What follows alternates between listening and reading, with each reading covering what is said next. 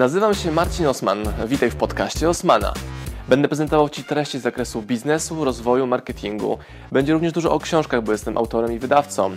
Celem mojego podcastu jest to, żebyś zdobywał praktyczną wiedzę. A zatem słuchaj i działaj. Marcin Osman.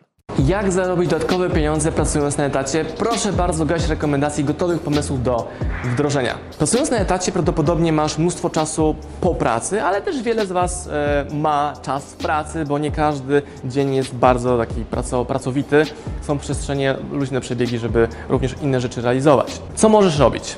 Możesz świadczyć takie same usługi, jak teraz ze swojego pracodawcy świadczysz, na wolnym rynku, to znaczy możesz stać się freelancerem. Na przykład, jeżeli pracujesz jako grafik w agencji reklamowej, to oczywistym jest to, że Twój profil powinien pojawić się również na oferii, na zlecenia przez net, na Fiverrze, gdzie klienci codziennie poszukują tysięcy wykonawców do prac graficznych.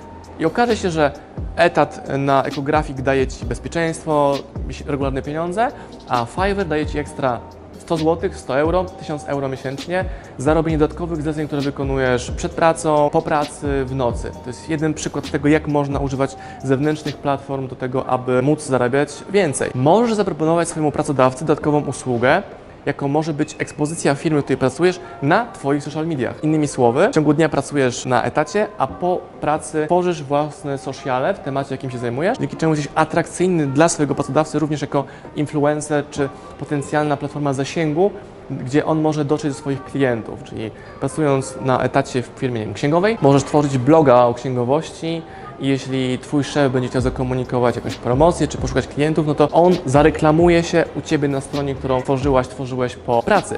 To jest już drugi sposób. Trzeci sposób możesz wykorzystywać e, wolne przestrzenie, tak jak wakacje, na rzecz albo zdobywania nowych kompetencji, czyli zamiast jechać na wakacje odpoczywać, to odpoczywasz zdobywając zupełnie nowe kompetencje, zwiększając swoją konkurencyjność, czyli jeżeli jesteś znowu grafikiem, zdobywasz kompetencje programistyczne, to już jesteś w stanie lepiej pracować z programistą i to może być powód, dla którego twój szef da Ci podwyżkę, czyli zrobić więcej pieniędzy w tej samej firmie, w której pracujesz. Możesz również pomyśleć o tym, czy długoterminowo nie pomyśleć o sposobie, w jaki pracujesz. Innymi słowy, jeśli marzysz o podróżowaniu, no to może Twoją pracę możesz wykonywać zdalnie, albo część dni w miesiącu wykonywać pracę zdalną. I robić same projekty, ale siedząc sobie na Kanarach, w Tajlandii, jeśli tylko dowozisz e, swojemu pracodawcy odpowiednią merytorykę, wiedzę, jakość.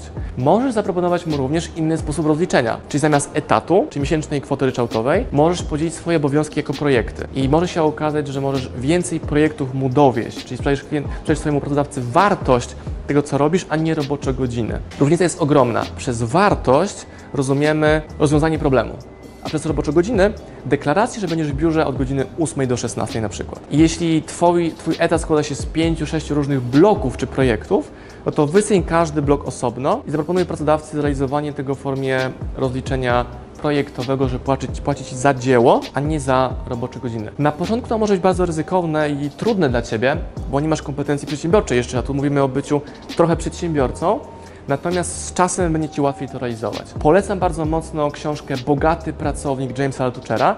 To dokładnie pokazuje, jak prowadzić całą swoją karierę, żeby być bogatym pracownikiem.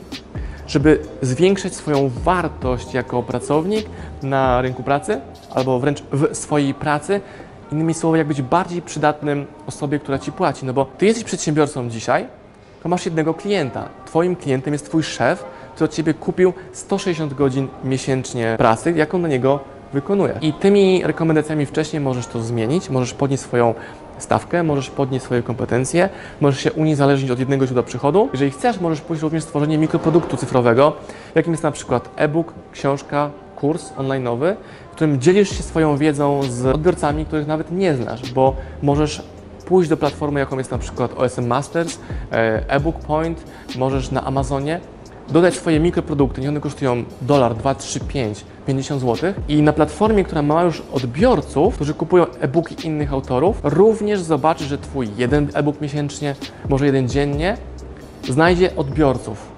I teraz znalezienie tych odbiorców powoduje, że masz ekstra przychód, niezależny od tego, czy nad nimi pracujesz, czy nie. To nie jest passive income, tylko to jest dodatkowe źródło dochodu, które jeśli będziesz lekko podlewał, muchał, chuchał, rozpalał ten ogień, no to zobaczysz, gwarantuję Ci, że będą spływały z tego zamówienia. Proszę bardzo, już wiesz w jaki sposób zarobić dodatkowe pieniądze pracując na etacie. Pozdrawiam Was, moi drodzy podcasterzy, słuchacze mojego podcastu.